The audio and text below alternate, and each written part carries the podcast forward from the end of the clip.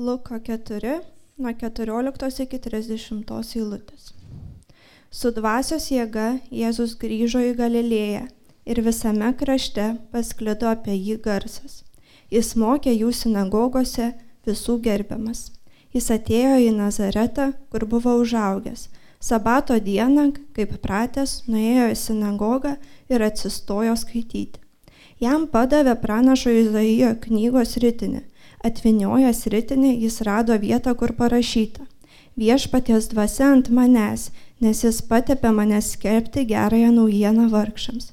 Pasiuntė mane gydyti tų, kurių širdis sudužusios, skelbti belaisvėms išvadavimo, akliesiems regėjimo, siuntė vaduoti prislėgtųjų ir skelbti maloningųjų viešpaties metų. Suviniojęs knygos rytinį, Jėzus gražino jį patarnautojui ir atsisėdo. Visų sinagogoje esančių akis buvo įsmeigtos į jį ir jis pradėjo jiems kalbėti. Šiandien išsipildė ką tik jūsų girdėti rašto žodžiai. Visi jam pritarė ir stebėjosi maloniais žodžiais, sklindančiais iš jo lūpų. Ir jie sakė, argi jis ne Juozapo sūnus? O Jėzus jiems atsakė, jūs be abejo man priminsite patarlį, gydytojau pats pasigydyk. Padaryk ir čia savo tėviškėje darbų, kokių girdėjome buvus Kafarnaume. Ir jis tarė, iš tiesų sakau jums, joks pranašas nepriimamas savo tėviškėje. Bet sakau jums tiesą, daug našlių buvo Izraelyje, Elijo dienomis, kai dangus buvo uždarytas trejus metus ir šešis mėnesius ir baisus badas ištiko visą kraštą. Bet ne pas vieną iš jų nebuvo siūstas Elijas, o tik pas našlę Sidono mieste Sareptoje. Taip pat pranašo Eliziejaus laikais daug buvo rūpsuotojų Izraelyje, bet ne vienas iš jų nebuvo išgydytas, tik Siras Naamanas. Visi, kurie buvo sinagogoje, tai išgirdę labai užsirūstino. Pakilę išvarė jį iš miesto iki šlaito to kalno, ant kurio buvo pastatytas jų miestas, ir norėjo nustumti jį žemyn. Bet Jėzus praėjęs tarp jų pasišalino. Tai buvo Dievo žodis Amen. Pasimelskim trumpai. Dangiškasis tėvė, mes prašome, kad atvertum savo žodį mums, kad kai mes jį skaitysime ar nagrinėsime, kad mes jį suprastumėm ir jisai veiktų mūsų visų išganimui. Meldžiam, kad atvertų mums tiesą ir toji tiesa mus visus ugdytų ir brandintų Jėzuje Kristuje. Amen.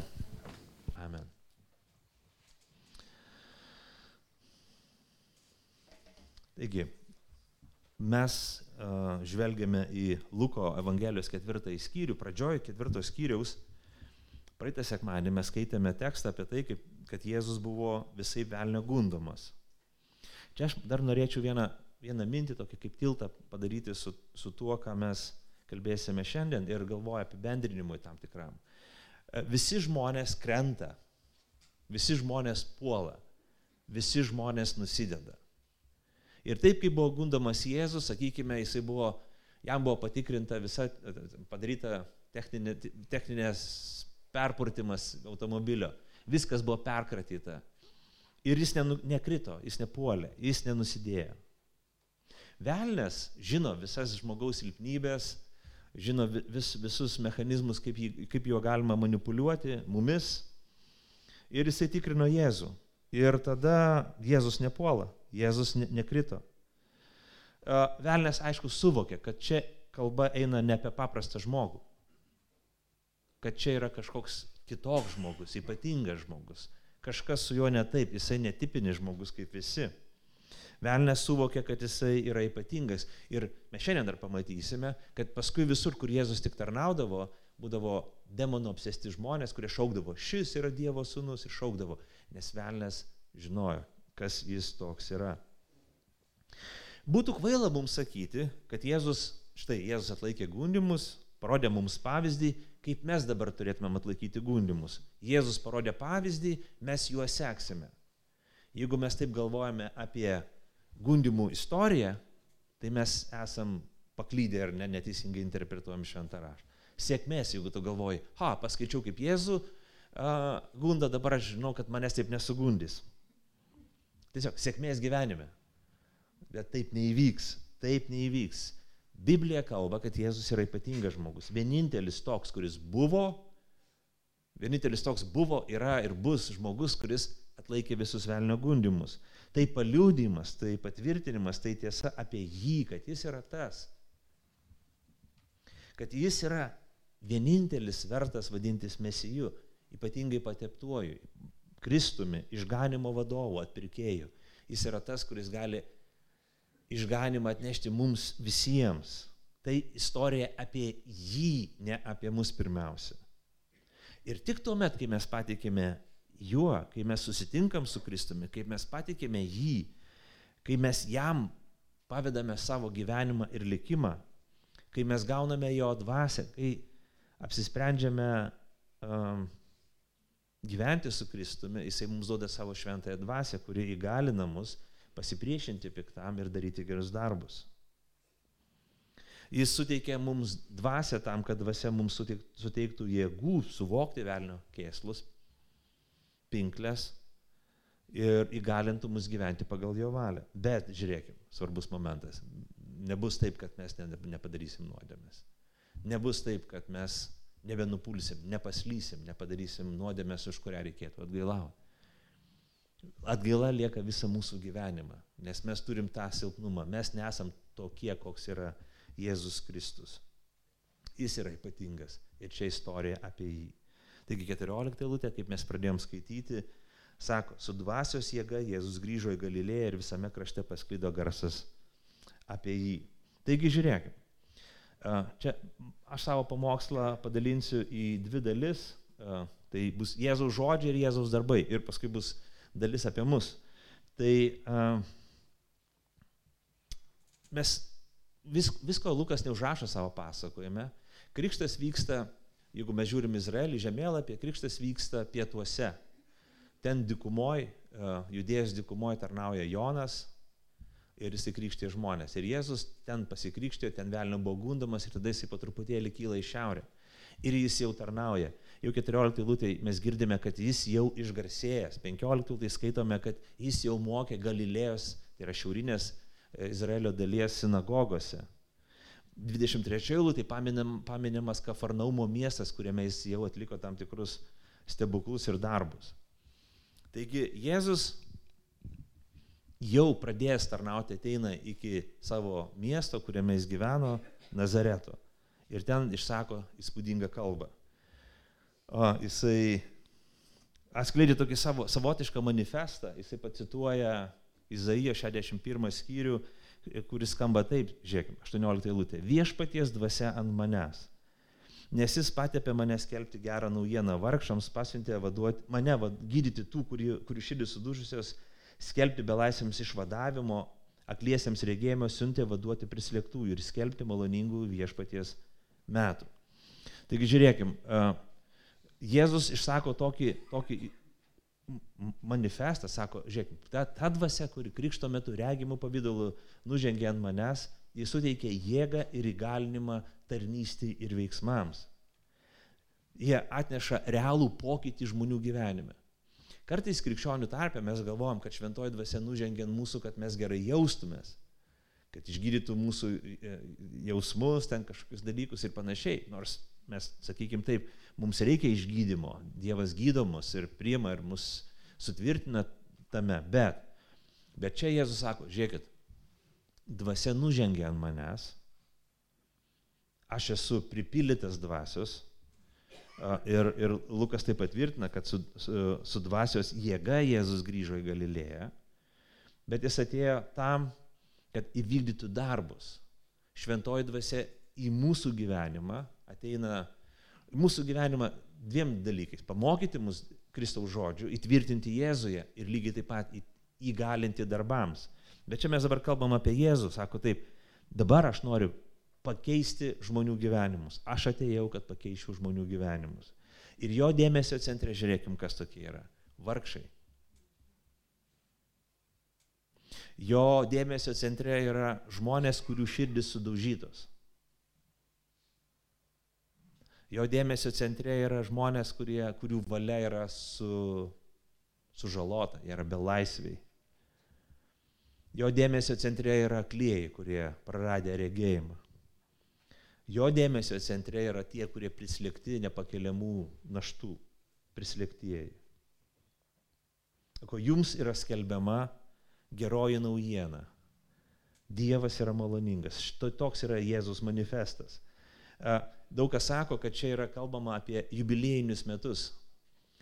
Kunigų knygoje 25 skyriui, jeigu aš neklystu, yra aprašytas toksai įvykis, kuris turėtų pasikartoti Dievo tautoje kas 50 metų. Aš nežinau, ar kada nors tai buvo istoriškai įvykę, bet įstatymas apie tai kalbėjo, kad kas 50 metų, vieną kartą į 50 metų, tai reiškia vieną kartą žmogaus gyvenime, būtų toks dalykas, kad leidžiamos visos skolos, gražinama nuosavybė, žmogus gali per, per, perkurti, perrestartuoti savo gyvenimą iš naujo. Viskas ten pakybė, galbūt griuvo, birėjo, nepavyko sutvarkyti finansais, e, prasiskolinau, vyko kažkokios tai, nežinau, nelaimės, bet štaiga viskas nusinulina ir vėl viskas prideda iš naujo.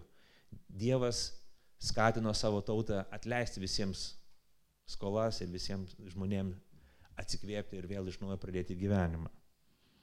Taigi čia Jėzus sako, aš skelbiu jums maloningus viešpaties metus. Viešpats yra jums maloningas. Čia įdomu, kad Jėzus kreipiasi ne į sėkminguosius žmonės, ne į tuos, kurie patyrė sėkmę, ne į tuos, kurie yra laimingi, ne tuos, kurie yra stiprus, tuos, kurie pasitikė savo jėgom, tuos, kurie yra, turi daug pinigų, tuos, e, kurių savivertė labai aukšta, tuos, kurie yra sėkmės viršūnėse. Ne, Jėzus žiūri į pralaimėtojus. Į pralaimėtojus. Ir tai buvo labai neįprasta. Jokia religija taip nemokė, kad Dievas gali žiūrėti į nevykėlį, kad Dievas gali žiūrėti į tą, kurio, kurio gyvenimas subirėjęs. Tik tai Jėzus Kristus, net Dievo tautos žmonės taip nemastė, jie galvoja, jeigu tavo gyvenime lyga, jeigu tavo gyvenime nesėkmių virtinė rutina, reiškia Dievas tave paliko, apleido, reiškia sėkmės Dievas nusisuko nuo tavęs, tave paliko savieigai. Bet Jėzus sako, ne, aš atėjau būtent pas tuos žmonės, kurių gyvenimas griūna, eina šaimo. Aš atėjau juos gydyti, gelbėt, padėti. Aš skelbiu malonės metus. Aš sakau, viskas nubraukiama. Prasideda viskas iš naujo. Čia labai gili mintis. Nes iš tikrųjų, evangelijo, pagal Evangelijos tiesą, kiekvienas iš mūsų esam vargšas. Kiekvienas iš mūsų esam sudužęs, belaisvis, aklas ir prislėgtas įvairiausių naštų. Tik tai nuodėmė ir mūsų išdidumas neleidžia mums to pripažinti. Mes galim būti vienos rytyje regimai kažkur tai labai sėkmingi, bet kitoj srityje arba kitose srityse mes būnam visiškai nevykėliai. Facebookas, Instagramas gali pumpuoti apie mus pačią geriausią idėją, kad mes gyvenam pavydėtiną gyvenimą. Bet viduje mes žinom, kaip ten viskas sugeria, kaip ten viskas be vilties, kaip viskas laikosi ant kažkokio tai siūlo ir, ir, ir tuoj, tuoj viskas subirės ir, ir, ir sugrius. Ir Jėzus sako, hei, nebereikia vaidinti, nebereikia apsmetinė. Ateikit visi, aš atėjau pas jūs. Toks Jėzus manifestas. Labai įdomus dalykas, jisai sako, tai vyksta dabar. Jėzus pasako tą mintį, ir čia man reikėtų skaidrę perversti. Jėzus pasako tą mintį ir sako, dabar išsipildė šitie žodžiai. Kurgi ta mano rašto eilutė? Jis, jis perskaitė 21 eilutę, sako, šiandien išsipildė ką tik jūsų girdėti rašto žodžiai. Dabar išsipildo tie žodžiai. Dabar tai išsipildo. Jeigu mes, mes nežinom, iš tikrųjų mes nežinom žemės uh, amžiaus, čia kai kas sako, kad krikščionis teigia, nevažiavome 60 tūkstančių metų, aš nežinau, ar taip gali krikščionis teikti, gal tam tikra grupė krikščionių ir panašiai. Bet mes žinom tokį daiktą, kad pradžios knygos, Biblijos knygos, pirmoji knygoje, pirmos knygos trečiam skyriuje parašyta, kad Dievas pažadėjo, jog iš moters ateis palikuonis, kuris sutraiškis gyvatės e, galvą. Jau nuo pat pradžios, nuo pat mūsų istorijos, žmonijos istorijos aušros yra pažadas duotas, kad tas blogis, kuris įėjo per Adomo ir Jėvos nuodėmę, kad tas blogis bus įveiktas. Ir paskui per daugybę pranašų, per daugybę, daugybę liudijimų, per daugybę išsakytų pranašyšių, kurios užrašytos šventajame rašte, tai buvo kalbam patvirtinama, kad iš tikrųjų ateina tas, kurio mes turim, kuris suteiks mums viltį, kuris išvaduos pateptasis karalius. Dievo dvasia bus ant jo, jisai bus Kristus, turės valdžią, galę, išmintį, kad galėtų įveikti priešus, apsaugoti Dievo tautą, ją valdyti, e, įtvirtinti teisingumą ir Dievo įstatymą. Ir Jėzus ateina, atsistoja sinagogai, žydų maldos vietoje, šeštadienį susirinkdavo skaityti šventą raštą, melstis, sakydavo pamokslą, jis atsistoja kaip mokytojas, tikliau atsisėda ir pradeda kalbėti, sako, išsipildė jūsų, mūsų perskaitą raštą vietą. Aš esu tas, aš esu tas, kuris turi ateiti. Aš esu tas. Žinia, jūs esat ne vieni. Jūs nesat palikti likimo valiai. Jūs nesat užmiršti, tu nesi vienas. Dievas atėjo iš tą pasaulį, Dievas atėjo aplankyti savo, savo tautą.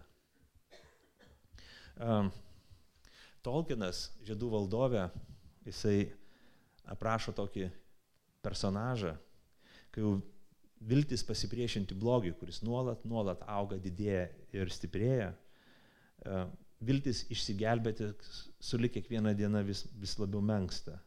Ir tada buvo prisimintos senos pranašystės, kad, kad ateis karalius, ateis karalius tas, kuris suteiks viltį ir vesi pergalę. Ir tada atsiranda Izildūro palikuonis, Pladžengys, Aragornas, Bastūnas, kitų pravardžiuojamas, kuris nežinia iš kur bet turėdamas karališko kraujo atsiranda ir sutelkia geruosius kovai, apjungia karalystės, apjungia skirtingas rases ir grupės, kad jie visi kovotų prieš blogį.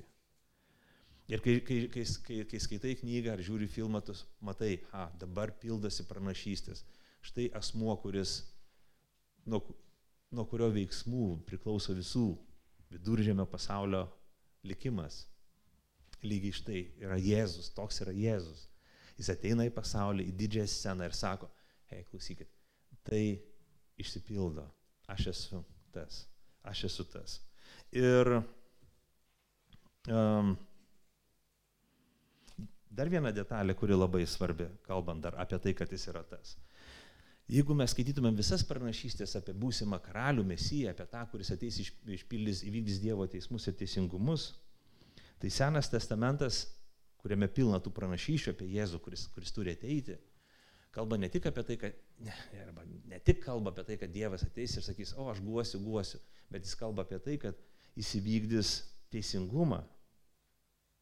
Kai kurios pranašystės nėra paglostimas, bet yra rūstybės skelbimas Ir, ir tas busimasis karalius, tas, kuris ateis, tas, kuris viešpatausis ne tik tai pasirūpins silpnaisiais, bet jisai įvykdys teisingumą, bu, įvykdys teismą tiems, kurie laužė įstatymą, kurie išnaudojo vargšus, kurie pelnėsi, plėšė, vogė, naikino ir žudė. Jis įvykdys teisingumą ir teisingumas bus ūmus ir neišvengiamas. Dėl to karaliaus ateimas, to būsimo valdovo ateimas, jisai turėjo tokį dviejopą jausmą. Vieni žmonės, kurie darė blogą, jie nežinau ar laukia to karalius ateimo, nes neaišku, kas ten bus. Kurių gyvenimas buvo subirėjęs, sugriuvęs, be vilties. Sako, man reikia tos vilties, gal jisai man padės. Ir atėjus mes nežinom, koks, ko, kokia žinia bus tas to karalius, gal jis ateis ir vykdys teismą, o teismas yra baisus. Tačiau Jėzus atėjęs skelbia Dievo gerumą, Dievo malonę, Dievo malonės metus. Jis sako, aš pažiūrėsiu silpnuosius ir labiausiai pažeidžiamus, aš būsiu su, išvaduosiu, nuimsiu naštą nuo jų. Ir Jėzus skelbia Dievo gailestingumo malonės metus. Mes galim sakyti, fū, Dievas yra maloningas.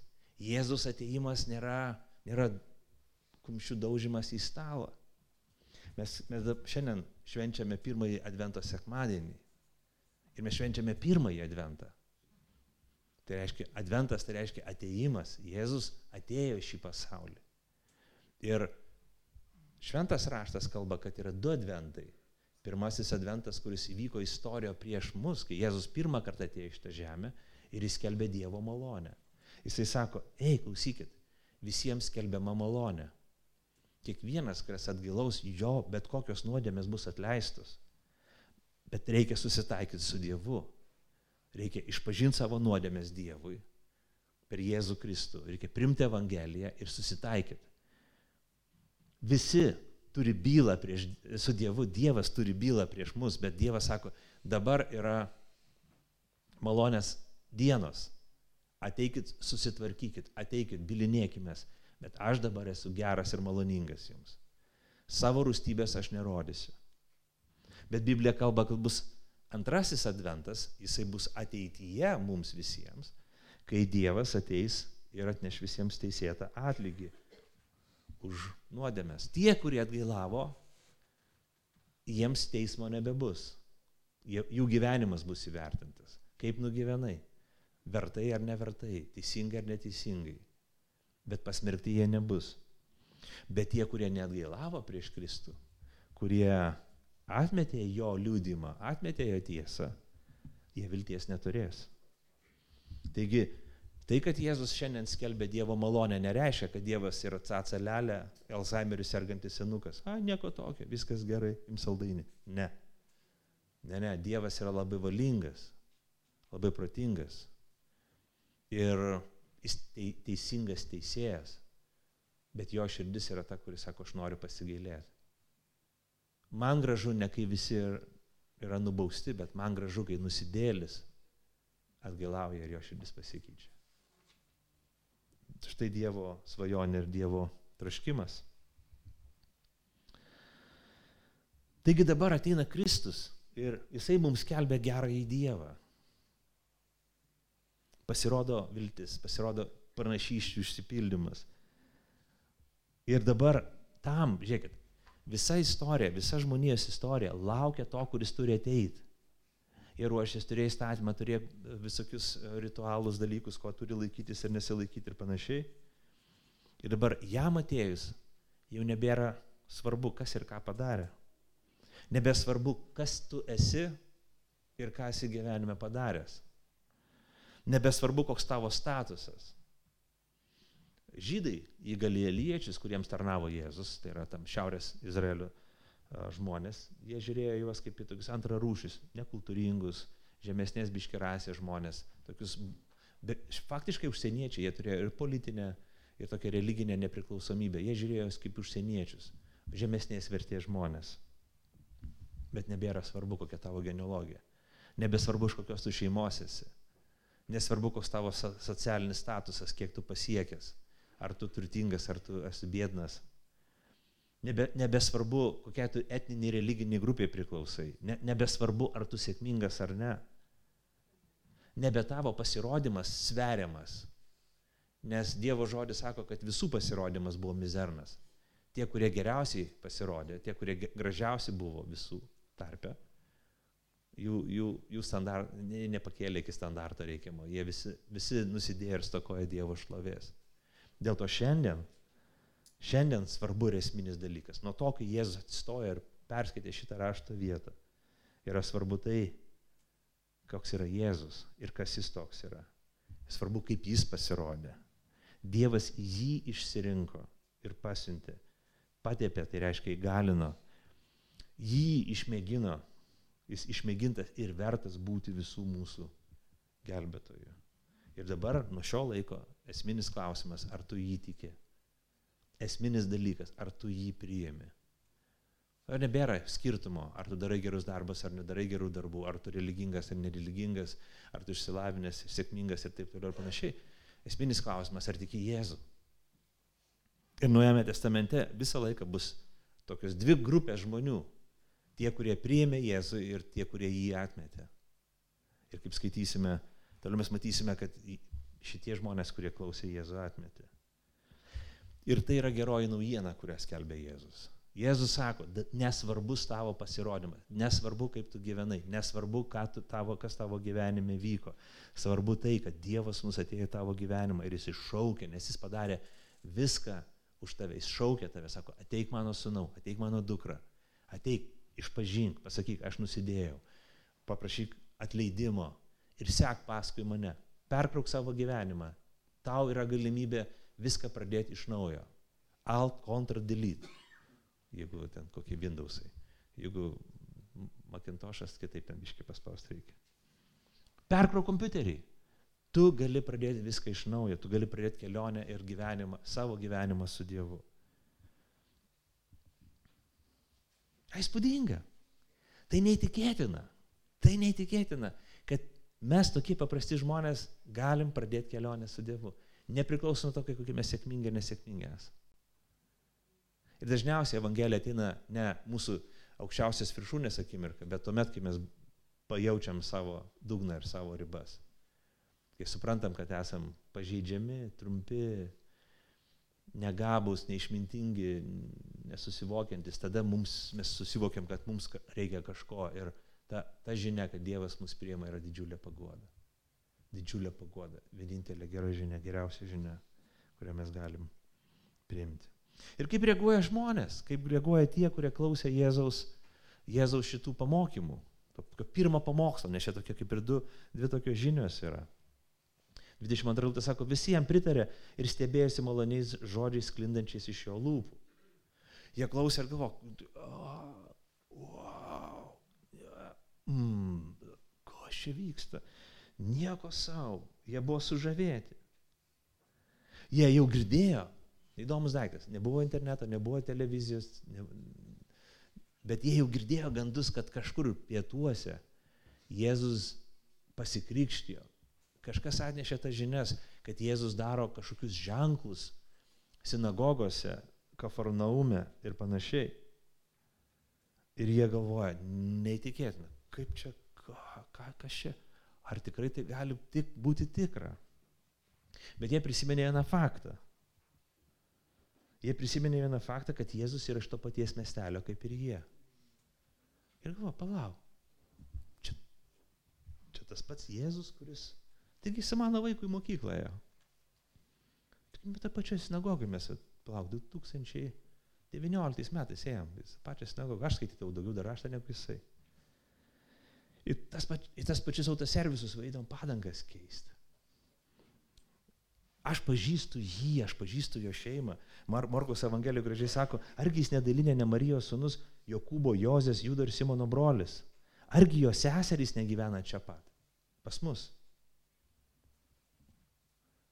Jie, jie žiūri į Jėzų, galvoja, o kokie fainų žodžiai, kaip grai. Noriu jų plot, valio, vienas gal atstoja, galia paploja, valio, o, o, o, bet paskui palauk, bet mes pažįstam jį. Kas tu toks, kad taip kalbė? Kas tu toks? Mes žinom tave. Kai tai būtum mesijas tikras, tas, kuris, tai būtum kažkoks nežinomas, toks ateini, kur tik taip mūsų žaibuoja ir visi sakom, wow. O čia mes tave pažįstam. Ir jie pradėjo piktintis Jėzumi. Jie pradėjo piktintis. Neįtikėtinas dalykas. Ir Jėzus pasako tą antrąją kalbą, kai sako, jūs be abejo priminsite, man priminsite patarlę, gydiau pats pasigydyk. Padaryk ir čia savo tėviškę darbų, kokių girdėjome buvus Kafarnaume. Ne, pasakymas, gydytų pasigydyk. Ei, gydytojau, nu davai, gydyti tenai Kafarnaume. Kafarnaumas tai miestelis į, į, į rytus nuo, nuo, nuo Nazareto apie 60-50-60 km. Būti tenai, darai, darai stebuklų. Davai, padaryk pas mus. Kas tu čia? Namuose padaryk. Davai, davai, padaryk. Kas tu čia yra dabar? Gydytų. Nu, nu, davai.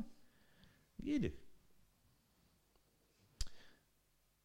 Ir sarė, iš tiesų sakau jums, joks pranašas ne, ne, nepriimamas savo tėviškai, bet sakau jums tiesą, daug našlių buvo Izraelė Elio dienomis, kai dangus buvo uždarytas trejus metus ir šešis mėnesius ir baisus badas ištiko visą kraštą. Bet ne, vienas, ne viena iš jų ne, nebuvo, ne pas vieną iš jų nebuvo siūstas Elijas, o tik pas našlę Sidono mieste Sareptoje. Taip pat pranašo Eliziejaus laikais buvo, daug buvo raupsuotų Izraelė, bet ne vienas iš jų nebuvo išgydytas, tik Syras Namanas. Ir Jėzus pum pum sukala tokius duvinis, kurie, kurie visai nuneša stogą tiem klausytam, kurie buvo sinagogoje. Jis sako, žiūrėkit, jis paima du pranašus iš Seno testamento. Sako, žiūrėkit, jokio pranašo niekada mūsų istorijoje, mūsų žydų istorijoje, mūsų Dievo tautos istorijoje, mes turėjom daug pranašų, ne vieno pranašo namuose niekas neprimdavo. Jis paima du pavyzdžius. Sako, yra Elijas, jis turėjo būti egzilėje gyventi kažkur pabėgęs. Ir tarnavo moteriai, kuri gyveno prie, e, Siro, e, prie, prie e, Sidono ir, ir Tyro miesto pagonijai, jai Dievas pagalbą suteikė. Jo tarnas Eliziejus, kitas pranašas, galingas Dievo darbais, jis turėjo ne, netikėtinų, ne, stebuklai vykdavo jo tarnavime, bet sakė, nei vienas raupsuotas žmogus nebuvo išgydytas, tik tai svetimtautis Sirijos generolas Namanas Taigi abu žmonės, abu Dievo tarnai buvo Dievo tautos atmesti. Abu pranašai buvo niekinami, net persijokėmi dėl, dėl, dėl, dėl to, kad jie tarnavo Dievo žodžiu. O malonė buvo parodyta svetimtaučiam. Žydam šito užteko. Galvoju, nu šitos, nu tiek jau nebe, nebegalima, jau pas mus stebuklą nepadarys sinagogai, kai mes prašėm dabar tavęs. O dabar tu dar paminė apie tai, kad tu čia čia kažkas tarnavo pagonim, net ne žydam, jie sako, viso, tave reikia nužudyti. Netikėtina reakcija. Nuo susižavėjimo Jėzumi, jo žodžiais, maloniais, kaip jisai skaito raštą, kaip jis interpretuoja jį, iki radikaliai priešingos reakcijos, akimirksniu. Kvo ką aš, svetimtaučiam, kažkam, kas tu toks esi iš viso ir jie nori Jėzų nužudyti. Visi, kurie buvo sinagogoje, tai išgirdę labai užsirūsino, pakilė išvarė jį iš miesto iki šlaito to kalno, ant kurio pastatęs miestas ir norėjo nustumti jį žemyn. Bet Jėzus praėjęs tarp jų pasišalino. Taigi, čia, aišku, Lukas rašo, tokia labai įdomu, kai skaitai Luko Evangeliją atidžiai, tu matai, kad panašiai vyko ir po Jėzus. Lukas rašo, tuomet, kai jau Jėzus jau yra nukryžiuotas, prisikėlęs, kai jis jau susipažino su Pauliumi ir kitais tarnais ir mato, kad yra atsikartojimas. Jėzus tarnauja saviškiam, savo tautai ir savoji tauta nepriima jo. Paulius tarnaudavo žydams pirmiausia, bet dažnai žydai atmesdavo Evangeliją. Čia stasa, senieji pranašai buvo savo tautos atmetami, Jėzus savo tautos atmetamas, e, Paulius savo tautos atmetamas. Dažnai Evangelija priima svetimi, toli esantis, bet nerti esantis. Žydai užsikėti nelieka, Evangelijos nepriėmė. Įsivaizduokim, kaip, kaip turėtų atrodyti akimirkai, įsivaizduokim, kaip turėtų atrodyti tas konfliktas, kai minė užsirūstina ir Jėzų nori numest nuo kalno. Lietuvoje mes minę sutinkam tik tuomet, kai atidarom naują Lidlą, naują Maksimą. Net dabar, net ir per didį penktadienį, tą juodąjį penktadienį, irgi ten nebebūna minios, jau visi nori internetą apsipirkti. Tai Lietuvoje mes negalim įsivaizduoti, kaip tai atrodo. Bet prisiminkime, kaip, kaip, kaip vyksta tie mitingai, nemitingai, vadinkim, kai prasidėjo karas tarp Izraelio ir Hamaso.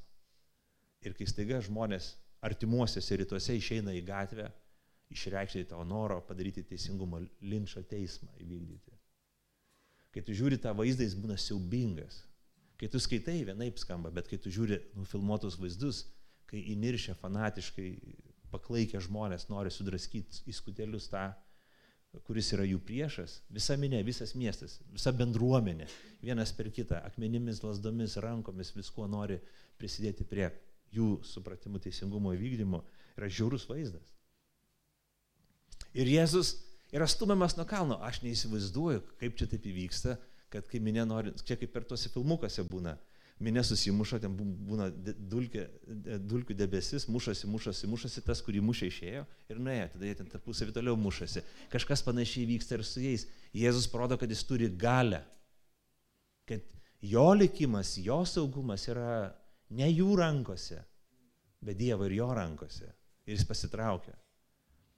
Ir čia pamoka, žiūrėkime, Jėzus yra ir išrinktasis, ir atstumtasis. Jėzus yra pateptas karalius, kad karaliautų. Bet šiuo metu jis yra atmestas akmuo. Jis mylimas ir nekenčiamas. Toks buvo Jėzus Savo tarnystės metu tokie buvo jo paštalai, kai tarnavo. Tokie esame ir mes, jeigu mes sekame Jėzaus pėdom. Visuomet bus konfliktas, visuomet bus prieštara, visuomet bus tų, kurie sakys, wow, tu skelbi Dievo žodį. Tai neįtikėtina. Tu atnešiai man Jėzų. Ir bus tų, kurie sakys, tu esi šarlatanas ir kažkoks sukčius, niekšas ir blogis, kuriam reikia pasipriešinti. Tai buvo su Jėzumi, tai bus ir su tais, kurie seka paskui jį. Žiūrėkim toliau, Jėzus darbas. Mes neskaitėme tos rašto vietos, bet mes pabaigime iki skyriaus pabaigos, nueikime. Ir tada žiūrėkit, aš manau, kad čia Jėzus parodo netikėtiną pavyzdį, kaip mums reikėtų elgtis tam tikrose konfliktinėse situacijose, įtampose, kai susidurėm su netinkama kritika, su priešiška opozicija, kai neturime galimybės iki begalybės ginčytis ir atrasti kompromiso ir sprendimo, reikia mums susitelkti, kaip Jėzus, kad darė, į pašaukimą ir darbus, kuriuos turim padaryti. Jėzus palikęs Nazaretą, praėjęs pro šalį, eina toliau į kitas sinagogas. Ką ten daro? Moko ir padeda žmonėm. 31 eilutė sako, jis nuėjo į Galilėjos miestą Kafarnaumą. Ten tampa tokia kaip ir bazė jo prie Galilėjos ežero. Ir, ir kiekvieną sabatą mokė žmonės. Jie labai stebėjosi jo mokymu, 32 eilutė sako, nes jo žodžiai buvo su valdžia. Sinagogoje buvo žmogus, kuris turėjo netyrą demonišką dvasę. Jis pradėjo garsiai šaukti, šalin, ko tau iš mūsų reikia, Jėzau iš Nazareto. Gal atėjai mūsų pražudyti, aš žinau, kad tu Dievo šventasis. Jėzus sudraudė jį, nutilk ir išeik iš jo. Nubloškė žmogų į vidurį demonas išėjo, niekiek jo nesužeidęs. Visi nustėro ir kalbėsi, kas tai per žodis. Jis su valdžia ir jėga įsakinėja netyrosioms dvasiams. Ir tos pasitraukė. Garsas apie jį plito visose apylink, apylinkėse, ap, aplinkinėse, atsiprašau, vietovėse. Taigi žiūrėkit, čia turim Jėzus skelbia, kalba ir dabar atsiranda tas, kaip ir minėjau, demono apsėstasis. Ir kas ką reiškia demono apsėstas žmogus? Mes neturim tų galutinių atsakymų, kaip, kaip tai yra, nežinau. Ar mes galim sakyti, kad tai yra psichinė lyga turinti žmonės? Mes neturim galutinių atsakymų. Mes nežinom. Aš turiu tokį, aš taip tikiu, kad kai raštas kalba, ne, mes negalim dėti lygybės ženklą tarp psichinės lygos, negalios ir, ir demono apsėdimų jokių būdų. Bet kai raštas kalba apie demono apsėdimą, apreiškimu tiems žmonėms buvo duota suvokti, kad iš tikrųjų tai buvo tų demoniškų dvasių veikimas. Apsėdimas kalba tokį daiktą, kad ar tam tikrų metų, ar visą savo gyvenimą žmonės nebegalėjo kontroliuoti savimi, nebegalėjo primti racionalių sprendimų, negalėjo daryti tai, ką norėjo. Ta piktoji dvasia juos užvaldė ir žmonės buvo vergai, tikri, tikri tos piktos dvasios belaisviai. Ir štai Jėzus sudraudžia tokį. Sako, išeik, nutilk, išeik. Įdomu, kad apsėstasis žino, Čia irgi toks paradoksas. Apsėstasis tai reiškia demonas jame, duodant gamtinį žinojimą tam žmogui, kad tu esi Dievo šventasis. Toks paradoksas. Dievo tauta, sinagogai sėdintys žmonės, šventą raštą skaitantys žmonės, besimeldžiantis, visą gyvenimą matė Jėzų savo gyvenime, jie nemato, kas yra Jėzus, bet piktasis mato ir atpažįsta. Koks ribotas mūsų žinojimas koks ribotas, kokia ribota mūsų išvalga ir mintis, kaip ribotai mes galim pamatyti dalykus, jeigu mums neduota iš, iš, iš aukščiau. Ir čia parodoma, kad Jėzus turi galę netyrosiam dvasiam, kad jis turi valdžią. Jis pasako netyrai dvasiai, nutilk išeik ir ten išeina. Ir žmogus lieka laisvas. Tai, ką Jėzus kalbėjo savo mieste Nazarete, kad aš atėjau duoti laisvės belaisviams įvyksta. Bandykite įsivaizduoti tokį dalyką. Yra ekranizacijų daugiau mažiau sėkmingų, kaip atrodytų žmogus, kuris žaloja save, naikina save, kuris yra nesveiko proto ir staiga jisai akimirksniu atgauna savo sveiką protą. Pradeda elgtis kaip žmogus, pradeda tinkamai žiūrėti į save, į kitus. Jėzus turi galę ir valdžią. Ir visi apstulbę, visi galvo, kas čia yra, kokį, kokią jis turi galę kokia yra jo valdžia. Paskui mes skaitome 38 eilutę. Iš sinagogos Jėzus atėjo į Simono namus. Simono uošvė labai karšiavo ir jie prašė jai pagalbos. Atsistojęs prie jos galvų galio, jis sudraudė e, karštlygę ir to įdingo. Ji iš karto atsikėlė ir jiems patarnavo. Paskui ten skaitome, kad saulė leidžiantis daugiau ligonių atėjo sergančių žmonių ir jis visiems patarnavo. Ir čia mes galim pasakyti, kad Petras buvo, dar Petras nebuvo pašauktas, tik sekančiame skyriuje Petras bus pašauktas.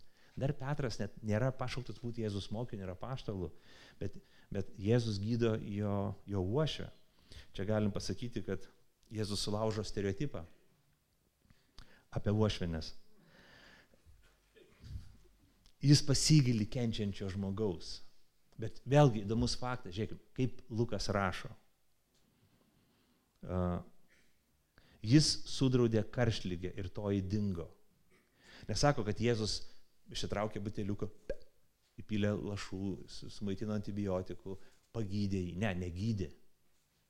Bet jisai sudraudė karšlygę.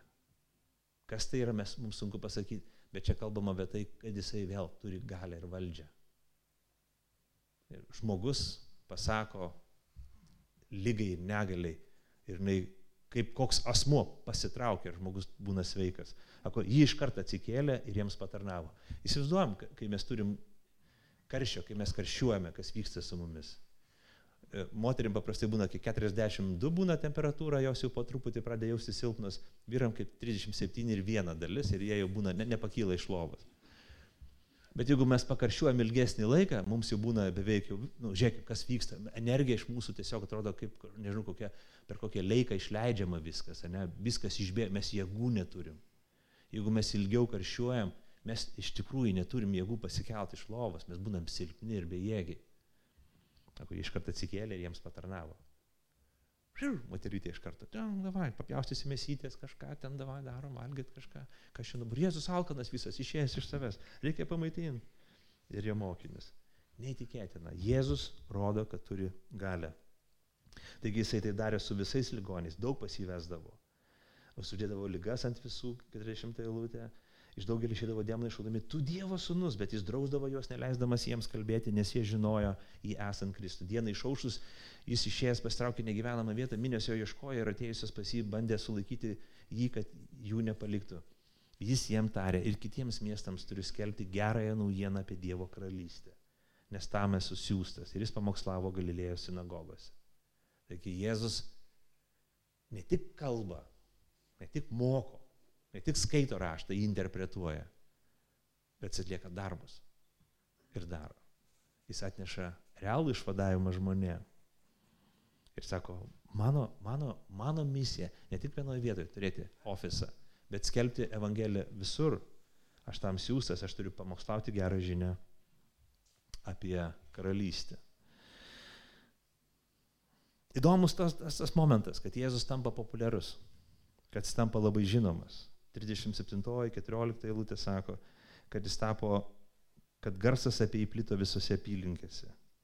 Jokių PR organizacijų. Žiūrėkit, dabartinė visos verslo organizacijos samdosi brangiai apmokamus konsultantus, kurie aiškint, pamokytų, kurtų strategijas, kaip tau tapti žinomu, kaip tau produktą išreklamuoti taip, kad visi jo geistų kad tik pagalvoja apie kažką, nesakysiu per kokio pavadinimo, jis kas sakytų, noriu pirkti, noriu pirkti, kaip blogai, kad neturiu.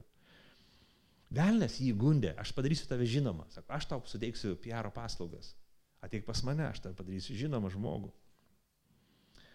Uh, ir Jėzus nepasiduoda nei tiems gundimams, nei nepasirašo jokio kontrakto. Jis tiesiog tarnauja. Jis tiesiog tarnauja. Jis nepasiduoda į ginčą su nazariečiais, revanšizmą, kovą su jais, į žmogaus teisų teismą nesikreipia. Jis tiesiog ką daro? Jisai moko, ir tarnauja žmonėm.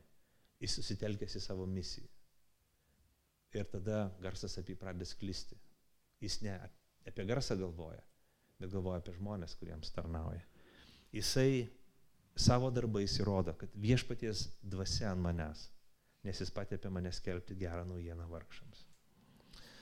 Paskutinės mintis mano, kas dabar, kaip dabar su mumis, ką mes galėtume pasimokyti iš tos, aš keturias tokias pamokėlės turiu nedidelės. Tai a, Jėzaus žodžiai darbai mūsų žodžiai darbai. Pirmas mūsų darbas, kaip Evangelija moko, tai tikėti Jėzų. Mokiniai klausė, žmonės minioje klausė, ką mums daryti, kad vykdytumėm Dievo darbus. Jėzus sakė, tai Dievo darbas tikėkite tą, kuris siuntė.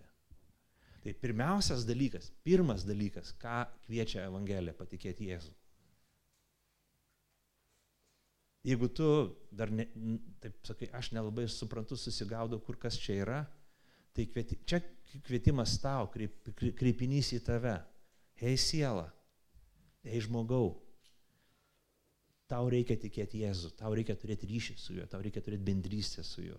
Jėzus Kristus kviečia į asmeninį bendravimą ir ryšį su juo. Tu turi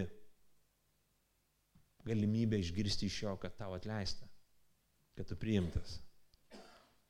Tu gali patirti jo malonę ir atleidimą.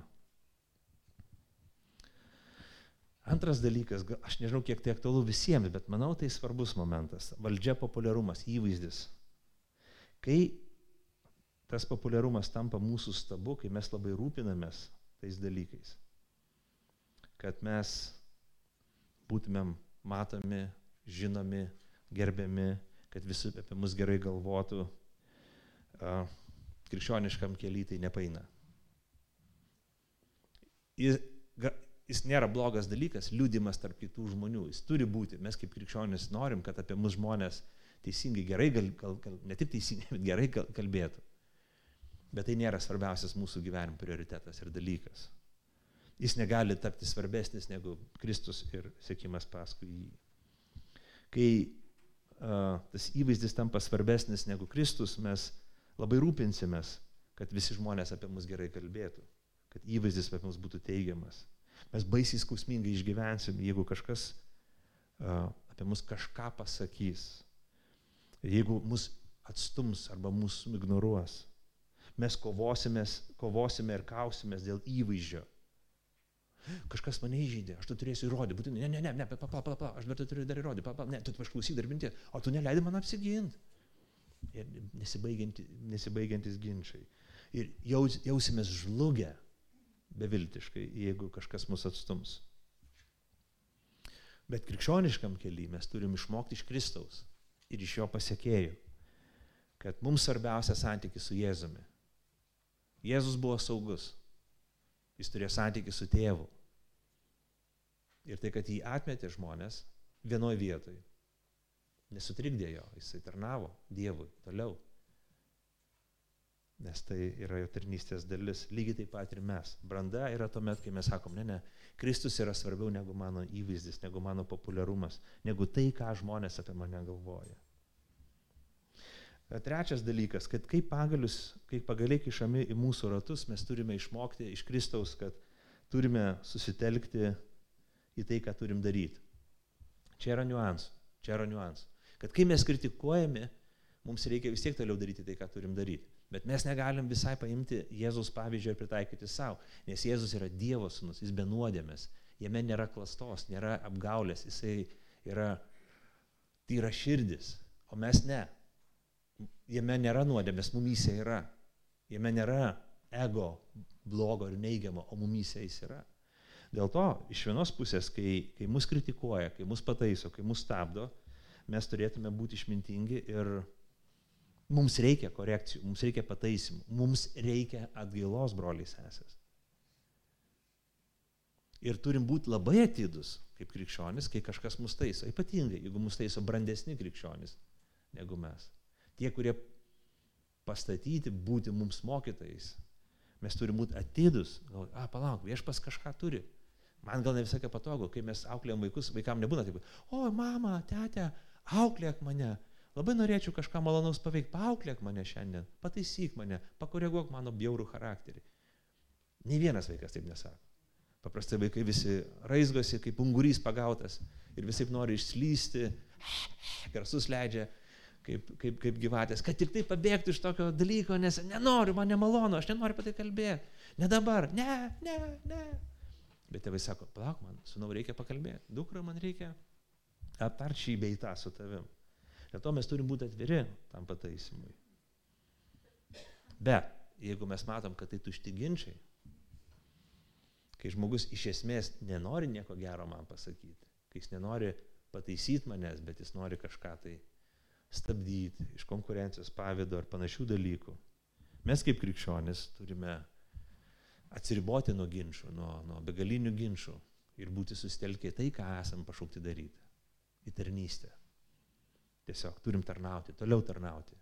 Bažnyčiai, žmonėms. Viešpaties tarnas, kaip sako raštas, neturi kivirčytis. Mes turime išeiti iš tokio ginčio, jeigu jisai būna begalinis ir neturi jokios ugdomosios naudos man. Nu ir galiausiai.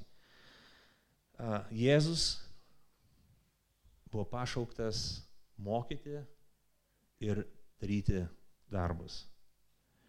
Taigi, kai Dievo dvasia ateina į mūsų gyvenimą, sėkminių dieną, žiūrėkime, Jėzaus Krikšto dieną dvasia nužengia ant Jėzus, bet sėkminių dieną šventoji dvasia nužengia ant visos bažnyčios ir dabar šventoji dvasia duodama ar, arba nužengia ant kiekvieno, kuris Jėzų patikė. Kiekvienas, kas tik tai patikė Jėzų, kad Jėzus mirė ant kryžiaus už jo nuodėmės, jisai gauna dvasę, nes dvasia tai ją preiškia. Be dvasios, be šventosios dvasios veikimo neįmanoma to suvokti. Be šventosios dvasios veikimo tai tas pats kaip sudėti puzlę užverstą. Didi, didi niekas nesusideda, joks paveikslas. Bet šventoji dvasia mums atverčia tą puzlę ir mes pradedam suvokti, ai, va kaip čia viskas dėliojasi. Ir šventoji dvasia mus įgalina tai padaryti. Dvasia ateina, kad atstatytų mus, kad atstatytų mus, nes mes esame nuodėmės paveikti, mumise nuodėmė atliko tam tikrą erozinį darbą, jinai naikino mus. Jinai patraukė mus prie Jėzus. Mes norim būti su juo, mes norim pasilikti su juo, mes, norim, mes mylime Jėzų, mes pamilstame jį, norime tiesiog gyventi su juo. Ir norim tarnauti jam. Ir tada šventoji dvasia mus pradeda mokyti, kad mes esame pašaukti tarnauti duoti kitiems. Palaukti tą pati dvasia, kuri patėpė Jėzų Kristų, kad jisai, kad jo dėmesio centre būtų vargšai, sudužę žmonės, belaisvė klyjei prislėgtieji. Lygiai taip tie iš mūsų, kurie pasiliekame su Kristumi. Mes pradedame suvokti, kad mums pradeda rūpėti žmonės. Tie, kurie rūpi Kristui. Vargšai. Žmonės, kurių širdis sudaužytos, belaisviai, aklieji, prislėgtieji. Ir mes kaip Kristus esame pašaukti skelbti tą gerą naujieną žodžiais ir darbais. Jėzaus manifestas tampa mūsų manifestu. Jėzaus misija tampa mūsų misija. Jėzus, kuris skelbė Evangeliją ir buvo atsuntas Nazareto mieste už kelių tūkstančių kilometrų nuo mūsų, pradeda skelbti ir daryti savo darbus čia panevežį apsniktam, sušalusiam. Nes čia atsiranda žmonės, kurie myli jį ir kurie nori elgtis ir gyventi taip, kaip jis. Pakilkime maldai. Dangiškasis tėve, aš prašau, kad per savo žodį tu veiktum kiekvieną mūsų širdį, kiekvieną mūsų išganimui ir stiprinimui. Meldžiu, kad tie žmonės, kurie nepažino tavęs, pažintų tave. Meldžiu, kad tie, kurie Kristau pirmą kartą klauso tavo žinios, kurie kurie sako, wow, aš niekada negirdėjau taip Evangelijos, kad jie sureaguotų taip, kaip tie, kurie priėmė gerąją žinę, naujieną, kaip tie, kuriems buvo patarnauta, kurie suprato, atgailavo. Ir mes Evangelijose matom daugybę pavyzdžių. Meldžiu, kad kiekvienas iš mūsų auktumėm ir stiprėtumėm tame pažinime, kad kiekvienas iš mūsų mes būtumėm Dieve perkeičiami, kad bendrystė su Jėzumi mus stiprintų, ugdytų ir, ir keistų kad Kristau tavo misija taptų mūsų misija, kad tavo gyvenimas taptų mūsų gyvenimas, kad tavo darbai būtų daromi čia, panevežį, 21 amžiui. Per Kristų. Amen.